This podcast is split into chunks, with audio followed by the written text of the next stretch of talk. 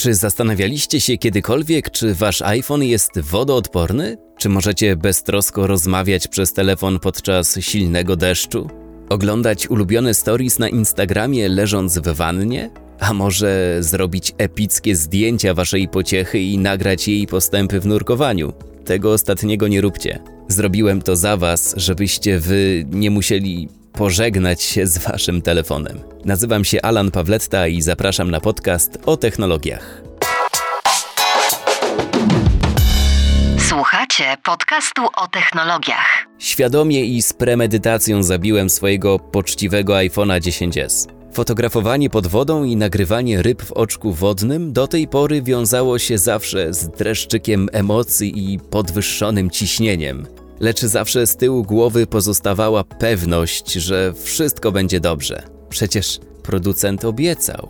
Wielokrotnie na przestrzeni lat poddawałem tego typu testom łącznie trzy telefony: Samsunga Galaxy S7 Edge, Samsunga Galaxy S21 Ultra oraz wspomnianego iPhone'a 10s.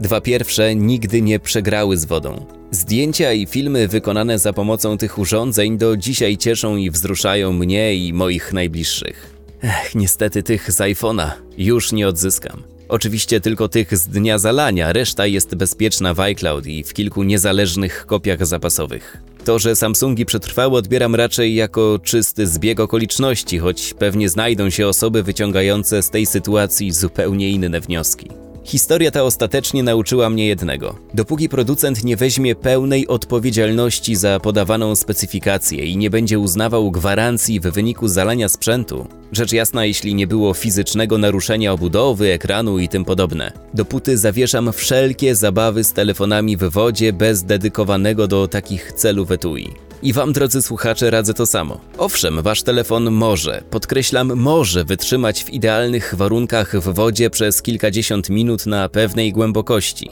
ale nie musi. Mój iPhone według specyfikacji, link do źródła znajdziecie w notatkach do tego odcinka, powinien wytrzymać do 30 minut zanurzenia w wodzie do maksymalnej głębokości 2 metrów. Rzecz jasna, nawet się nie zbliżył do tych wartości, nim wydał ostatnie mrugnięcia ekranu i zapadł w głęboki sen, parząc prawie przy tym moje dłonie. Reasumując, unikajcie kontaktu smartfonów z wodą, a już na pewno celowego zanurzania swoich telefonów. Odcinek powstał na gruncie mojego własnego doświadczenia i po znalezieniu w sieci licznych zapytań o możliwość korzystania z telefonów na basenie.